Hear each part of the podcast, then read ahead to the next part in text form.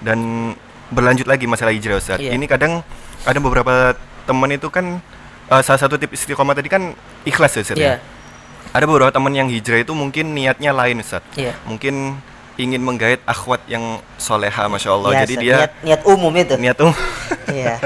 Jadi mungkin ingin meraih akhwat Iya. atau ya gitu niat-niat hijrahnya itu ingin me- me- menggait seorang akhwat dan lain sebagainya atau mungkin niat hijrahnya tidak lillah gitu. Ini gimana Ustaz? Iya, bukan lillah tapi laha ya. Masya Allah, apa ini Ustaz? Bukan karena Allah tapi karenanya. Eh. Gimana Ustaz itu? ya, ini niat yang salah ya, teman-teman sekalian Hmm. ya yang menyaksikan podcast ini antum perbaiki niat antum seperti itu. Jangan Hmm. sampai ada niat oh Masya Allah akhwatnya Jamila gitu kan ya Hana mau ya hijrah karena ingin akhwat seperti itu. Jauh-jauh hari Nabi sudah Hmm. mengabarkan kepada kita dalam hadis yang masyhur yang sudah sangat kita kenal dan familiar di mana Nabi SAW pernah mengatakan innamal a'malu binniyat wa Hmm. innamal likulli imri'in ma nawa. Ya, bahwasanya amal ibadah itu tergantung niat ya dan setiap niat itu akan diberikan uh, sesuai dengan apa yang di seseorang akan diberikan sesuai dengan niatnya. Lalu Na- Nabi memberikan contoh ya dengan hijrah. Orang hijrah karena Allah itulah orang-orang yang akan istiqomah. Hmm. Tapi kalau orang hijrah karena ada wanita, karena ada akhwat yang ingin dinikahi, ingat Nabi mengatakan di situ Hmm. ya Nabi mengatakan dia tidak akan mendapatkan apa tidak mengatakan demikian. Tapi dia Nabi mengatakan engkau akan mendapatkan apa yang sesuai dengan niatmu. Hmm. tapi pahala yang Pahala hijrahnya nggak dapat ya, tidak ya? dapat. Hmm. padahal dia tahu pahala hijrah itu kan luar Hmm, biasa. hmm, ya kata Nabi SAW dalam satu hadis ya al hijratu tajubu makoblah orang yang hijrah itu ya Allah akan hapuskan dosa-dosanya sama Allah Taala.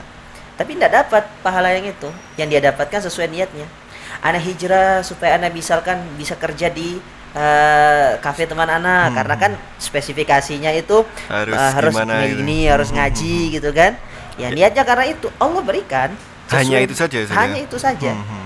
tapi keutamaan hijrah, kemudian pahala hijrah, apa yang Allah janjikan dari orang-orang yang hijrah, Allah tidak akan berikan sama dia. Eman bahasa Surabaya ya? Iya, rugi lah. ya, rugi banget. Ya, makanya teman-teman sekalian ya yang menyaksikan podcast ini khususnya kepada ikhwan-ikhwan kita yang baru hijrah, perbaiki niat. Hmm. Penting itu. Perbaiki niat itu. Ya, antum pergi ngaji untuk apa sih? ya, antum pergi kajian untuk apa sih? Kalau hanya antum kajian misalkan ke masjid A, karena di sana apa? Oh, kalau di sana itu kajiannya banyak rotinya. Roti antum dapat, ilmu nggak dapat. Ya, Siap. ya. Terus antum mau pergi kajian ke masjid B, kenapa? Oh, di sana ada akhwat yang sering ana uh, Hmm, lihat, incer gitu kan ya? incer. Hmm. Ya, antum dapatnya itu. Antum tidak dapat ilmu. Makanya banyak di antara teman-teman itu hijrahnya gagal karena itu Hmm. ya akhirnya di tengah jalan dia tidak konsisten dia tidak apa mudah diombang-ambing sama syubhat dan syahwatnya akhirnya dia kembali ke kebiasaan bahkan Hmm. lebih buruk daripada sebelumnya Apalagi yang diincer itu terus kemudian qadarullah kena ikhwan yang lain. Nah, Eh, ini iya. malah malah sakit hati jadinya kan sudah jatuh ketiban tangga lagi Nah, itu Ustaz.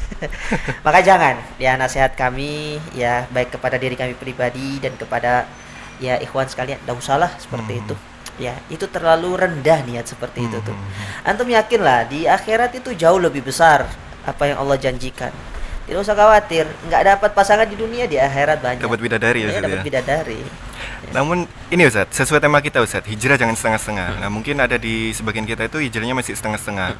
Mungkin ya sudah mendeklarasikan hijrah cuman eh, sudah rajin sholat tapi masih tetap maksiat Ustaz. Jadi ini gimana Ustaz? kalau ada yang sudah mendeklarasikan dirinya hijrah tapi masih maksiat maka hijrahnya itu palsu Hmm. hijrahnya dusta Hijrahnya palsu ya. Iya, hijrahnya dusta. Kan kata sebuah ungkapan, ya innal muhibba liman yuhibbu muti. Hmm, hmm. Ya, ketika engkau mendeklarasikan ya untuk melakukan sesuatu kepada seseorang atau kepada orang yang kau cintai, maka apa yang menjadi eh, keinginan atau perintah orang tersebut pasti engkau akan laksanakan. Ya, orang ketika hijrah berarti dia sudah mendeklarasikan dirinya secara tidak langsung akan mentaati segala perintah Allah kan seperti itu, menjauhi segala maksiat. Berarti kalau kenyataan di lapangan ya dari prakteknya orang yang hijrah ini ternyata dia masih maksiat, berarti deklarasinya itu dusta. Dusta ya Ustaz. ya? Iya. Dan ini pantang seorang mukmin Hmm. untuk berdusta karena sifat dusta itu hanya sifat orang-orang munafik. Munafik. Maka kalau ada di antara kita yang seperti itu, maka ketahuilah hijrahnya palsu dan Hmm. perlu harus bertobat kepada Allah, Allah. Subhanahu wa taala. Jadi ya tidak ada manfaatnya juga Hmm. hijrah tapi sambil Maksiat, ya, maksiat. ya tetap maksiat jalan terus maksiat. Hanya dari sisi penampilan saja. Hmm, makanya tadi di awal tadi kan kita Hmm, sebutkan hmm. orang terfokus pada covernya. Hmm. lupa pada jeroannya. Iya. Iya. Lupa pada jeroannya. Hmm. padahal yang jadi yang paling penting kan dalamnya. Hmm. ya bukan masalah luarnya saja. Luar penting. Hmm. tapi dalam itu jauh lebih Jauh lebih penting jauh ya, lebih ya. penting. Saya mau tanya sama antum mas Reza. Iya, Ustaz. antum beli HP karena luarnya atau dalamnya Dalamnya Ustaz, ya speknya dalamnya Ustaz. speknya kan Iya, Meskipun luarnya biasa-biasa saja, tapi kalau speknya luar biasa, antum beli. beli. Iya, apalagi kalau harganya lebih murah. Eh. Bicara masalah hijrah lagi Ustaz, mungkin ada yang bingung. Kan ini kan eh, setelah hijrah kan ikut kajian-kajian dan lain sebagainya. Nah, ini ilmu yang prioritas untuk dipelajari atau urutannya ini bagaimana Ustaz? Untuk Iya. yang baru-baru, teman-teman baru hijrah ini Ustaz. Nah, ini penting nih untuk teman-teman. Para ulama menasihati kita, Hmm. ya. Ilmu yang paling utama untuk kita pelajari itu dua, Hmm. ya. Ilmu adab ya sama ilmu akidah. Ya, kenapa ini penting? Seorang penting untuk dia mengetahui bagaimana dia beradab Hmm. kepada Allah, kepada Rasulnya, kepada orang tuanya, kepada gurunya. Ya, jangan langsung terjun ke ilmu-ilmu yang berat. Hmm. Ya, baru hijrah kajiannya? Usul fikih. Masya Allah. Ya, kajiannya apa? Oh, kon fikih kontemporer. Kajian masalah ini ribawi. Itu bab Mhm. kesekian. Berkacalah dari pengalaman Nabi SAW. Hmm. ketika Nabi merubah para sahabatnya. Lihat, 13 tahun Nabi di kota Mekah, apa yang Nabi perbaiki coba? Hmm. Apakah Nabi perbaiki tata cara ibadahnya? Apa perbaiki Hmm. Kualitas ibadahnya? Bukan. Belum ya? Tapi yang Nabi perbaiki dua hal. Hmm. Akhlak dia kepada Allah, kemudian akidahnya. Akidah ini. Nah, dari sini kita bisa mengambil pelajaran Hmm. dan ini sering disebutkan oleh para ulama bagi kita-kita yang baru hijrah pelajari adab terlebih dahulu ya sehingga kita bisa tahu bagaimana beradab kepada Allah, kepada Rasulnya, kepada guru, kepada orang tua, kepada sesama muslim secara umum dan yang paling penting perbaiki akidah dengan kita ikut Kajian, kajian-kajian Ustaz, ya. akidah dan belajar akidah itu jangan langsung loncat Hmm. ya tapi melalui step-step yang telah Tahapan-tahapan. yang telah Hmm. diajarkan makanya kata Imam Az-Zuhri dalam sebuah ungkapannya beliau mengatakan man talabal ilma jumlatan dhahaba anhu jumlatan barang siapa yang belajar ilmu agama sehari dua hari langsung ingin jadi ulama ilmu itu hilang dari dia ya Seketika ya. ya seketika walakin bimarril ayami wal layali tapi terus berhari-hari Hmm. Nah, jadi gimana sebenarnya eh, step seorang penuntut ilmu yang baru-baru? Pelajari dari dasar. Di antara kitab-kitab dasar ya seperti usul salasa, ya toh. Kemudian Qawaidul Arba, Hmm. Kasyfus Syubhat, baru naik ke kitab tauhid, ya. Kemudian akidah wasatiyah, kemudian nanti masuk ke kitab yang berat akidah tohawiyah, Hmm, hmm. baru masuk ke kitab yang lainnya banyak ada Syarhus Sunnah, ada Imam Al-Barbahari, kemudian Jadi ada bertahap ya Ustaz ya. bertahap. Jadi jangan langsung baru ngaji apa yang dibahas akidah tohawiyah. Waduh berat ya. Pondasinya dulu berarti Iya, ya, pondasinya dulu. pelan-pelan Bangun ya, Ustaz, ya. rumah itu kan gali pondasi dulu, Hmm, hmm, hmm. masukin batunya sama campuran semennya. Ya jangan langsung taruh batu batanya. Hmm. Ya, jadi kuatkan pondasi, kokohkan pondasi ya dengan mempelajari akidah yang dasar insya Allah ya. Kokoh juga ya akan ya kokoh insya Allah lama-lama akan kokoh. Hmm. dan yang paling penting jangan bosan. Nah itu, kadang orang ngaji kitab tauhid atau yang ngaji akidah ini ya. bosen ini Iya, tok ya. ini, ini terus ya. Dari zaman biya nih terus ya kitab tauhid. Ya kenapa harus kita belajar kitab tauhid? Karena ini fondasi dasar Hmm, hmm, hmm. ya. Allah saja memerintahkan kita pertama kali dalam Al-Quran itu tentang tauhid ketika Allah mengatakan dalam surat Al-Baqarah ya ayuhal nas ubudullaha rabbakum Perintah pertama itu Perintah ya? pertama. Hmm, hmm. ya wahai manusia sembahlah Allah berarti yang pertama kali yang disuruh kita belajar itu adalah bagaimana tata cara kita menyembah Menyembah Allah. Allah dan itu masuk ke dalam kategori Hmm, tauhid Tauhid. ya makanya kitab-kitab para ulama itu ketika membahas tauhid pasti yang pertama yang dibahas itu adalah bagaimana iman kepada Allah. Allah Subhanahu wa taala Dan terakhir dari Ana Ustadz, Eh, setelah ini kita masuk ke pertanyaan barangkali ada yang tanya di live.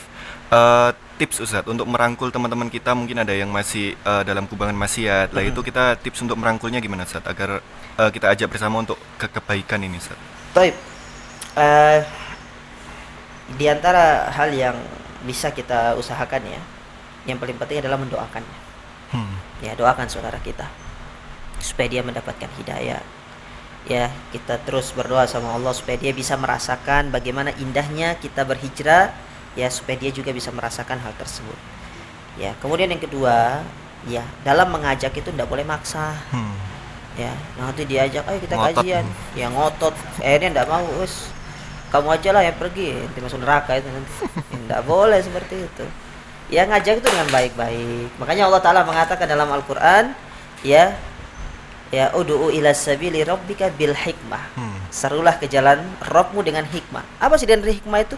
Lemah lembut dengan tata cara yang baik. Ya, Hmm. jangan dikit-dikit nanti, ush, kau tuh neraka tempat Neraka. Enggak boleh kayak gitu. Tambah nggak Iya. sing hijrah, tambah nggak ada yang hijrah boleh hijrah, ya.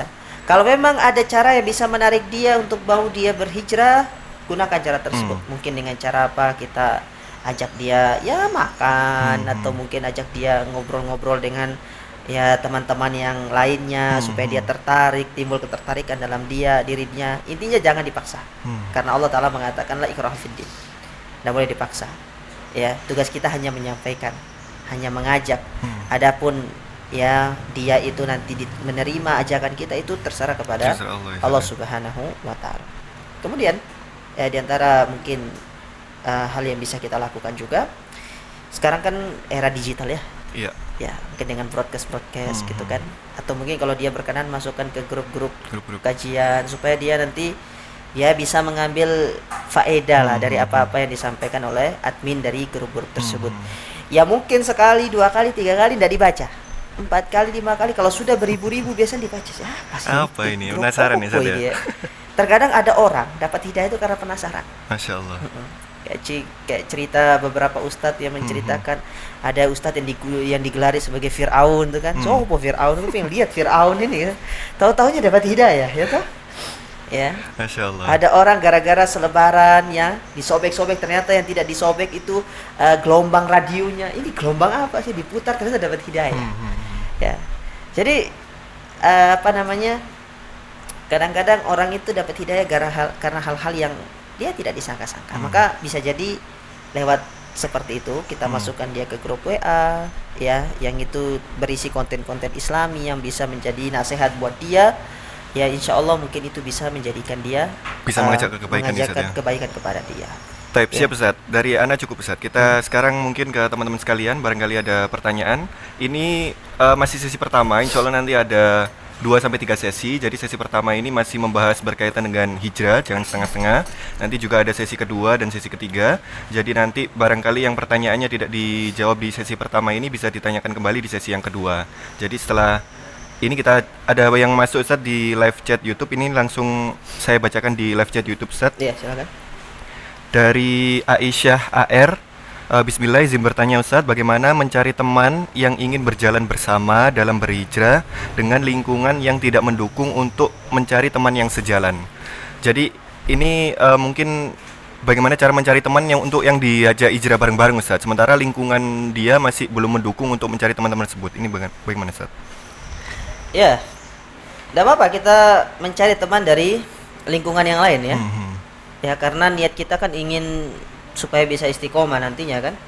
Jadi kalau memang tidak ada teman di tempat yang lain di, di dalam kawasan kita atau lingkungan kita tidak ada masalah untuk kita cari teman yang lain. Seperti Nabi SAW Hmm. ketika Nabi tidak sanggup di kota Mekah pergi hijrah ke kota Madinah. Ini satu eh, pelajaran dari kata dari para ulama bahwasanya kalau memang di tempat kita di tempat tinggal kita kita tidak memiliki teman untuk bisa bergaul dengan baik maka tidak ada masalah untuk kita ya mencari teman di tempat yang lain. Tapi ingat ya kita tidak boleh melupakan sosialisasi dengan eh, orang-orang yang ada di sekitar kita dalam rangka untuk memberikan manfaat kepada dia. Karena Nabi mengatakan khairukum anfa'ukum linnas. Hmm. Ya sebaik-baik kalian adalah yang bermanfaat bagi kaum muslimin. muslimin. Ya jadi berikan manfaat kepada lingkungan kita ya dengan menampilkan akhlak yang baik, Hmm. ya menampilkan etika yang baik, perang yang baik, ya dengan mendakwakan mereka dengan cara yang yang Baik terbaik juga. ya tidak ada masalah Hmm, hmm. dan bila perlu kita ya bersinergi dengan teman kita untuk saling bahu membahu ya me- mewarnai lingkungan Hmm. Yang kita lingkungan itu lebih sekarang bagus itu, Masya ya, Allah. itu lebih bagus Siap. Pertanyaan kedua Ustadz. Ini dari eh, Akhi Harun Kondoa. Assalamualaikum Ustadz. Ana mau nanya, gimana caranya kita untuk kembali semangat dalam berhijrah ketika kita berada di masa futur? Mohon penjelasannya Ustadz. Jadi mungkin eh, sudah hijrah terus futur Ustadz. Nah kembali untuk semangat lagi gimana Ustadz? Taib, ya yang pertama untuk mengatasi masa futur itu Hmm. ya supaya kita semangat lagi disebutkan oleh para ulama adalah yang kita berdoa Hmm. ya berdoa ya apalagi di tengah pandemi seperti ini ya, Ya, berdoa sama Allah Taala yang kedua di sinilah per- pentingnya peran teman yang baik itu Hmm. ya Saling Iya mengingatkan. saling ngingatin ya toh kadang-kadang kita kalau sendiri itulah yang bisa menjadikan setan tuh mudah untuk menguasai kita Hmm. jadi butuh teman ya makanya di ru jangan di rumah aja. Kalau memang sudah bisa keluar untuk sekedar kita ngobrol-ngobrol dengan teman ya sebaiknya kita keluar kita ngobrol perkara iman. Ya kan ada sekarang istilahnya ngopi, ya. Ngopi. ya ngopi ngobrol perkara iman. Tapi saya minumnya iman. jeruk ini ya. Ya. Gak apa ngobrol sekedar untuk apa?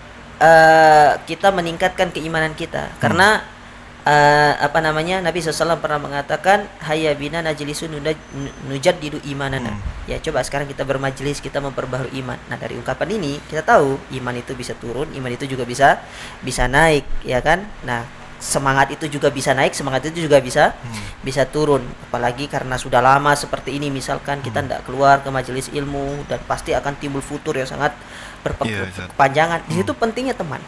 Ya teman untuk menasehati kemudian eh, yang ketiga di antara mungkin hal yang bisa kita lakukan untuk bisa kita kembali kepada kondisi yang dahulu semangat dalam ibadah itu adalah sebenarnya tidak boleh meninggalkan ibadah-ibadah yang sifatnya sunnah Hmm. ya ya mungkin dulu kita sering apa istilahnya eh sholat rawatib di masjid ya itu Hmm. kan ya maka sholat itu tetap harus dijaga meskipun kita sholatnya di rumah Hmm. mungkin dalam kondisi seperti itu ya dahulu mungkin kita sering hadir kajian di masjid ya itu pun tidak boleh ditinggalkan Hmm. ya kita tetap harus membaca di rumah apalagi sekarang kan masya allah ya era digital seperti ini Semua bisa kajian diakses, banyak ya. semua bisa diakses Hmm, hmm. dan sebenarnya alasan untuk futur itu sudah hampir bisa dikatakan sangat sedikit ya sangat sedikit atau mungkin bisa dikatakan sudah bisa diminimalisir Hmm. namun itu kembali kepada uh, pribadi masing-masing ya sejauh mana dia itu meminta pertolongan kepada Allah Subhanahu wa taala. Namun di yang paling penting uh, tadi itu kalau saya fokuskan itu poin yang pertama sama kedua, berdoa sama pentingnya teman yang baik Hmm. ya untuk terus saling menasehati, Menasehati, saling ya. mengingatkan satu dengan yang yang lainnya. Makanya bersyukur antum-antum yang memiliki teman yang selalu menasehati antum yang Aset selalu- terbaik, itu ya. aset yang Masya bagus Allah. ya bahkan Allah jaminkan Hmm. orang yang berteman karena Allah itu Allah jaminkan bagi dia naungan di hari kiamat Hmm. kelak ya kurang lebih seperti itu Taib. Insya Allah cukup Ustaz untuk pembicaraan kita berkaitan Siap. dengan hijrah setengah-setengah ini Ustaz Eh, Dan para pemirsa sekalian yang sedang menyaksikan secara live Insya Allah kita akhiri untuk sesi yang pertama Dan kita istirahat sejenak Nanti akan berlanjut ke sesi kedua Jadi jangan ke mana-mana. Mungkin bisa ditinggal eh, sarapan dulu bagi yang belum sarapan Atau eh, aktivitas yang lainnya. Tapi nanti insya Allah 5 atau 10 menit ke depan kita eh, persiapan untuk sesi yang kedua. Insya Allah temanya adalah berkaitan dengan LGBT Ya Ustaz ya, jadi kita membahas berkaitan dengan LGBT karena eh, beberapa waktu yang lalu kan rame nih Ustaz Hmm. lagi LGBT. marak. Iya, Ya, jadi baru kita tadi pagi anda nonton itu. Apa itu Ustaz? kasusnya yang terbaru itu. Oh iya, Masya Allah Jadi nanti di sesi yang kedua kita membahas tentang LGBT, jangan ke mana-mana. Jadi nanti ada yang mau ditanyakan dan berkaitan dengan LGBT bisa ditanyakan di sesi kedua. Kita tutup dulu Ustaz sesi pertama Silakan. dengan doa kafaratul majelis Subhanakallahumma bihamdika, Asyhadu an la ilaha illa anta astaghfiruka wa atubu ilaik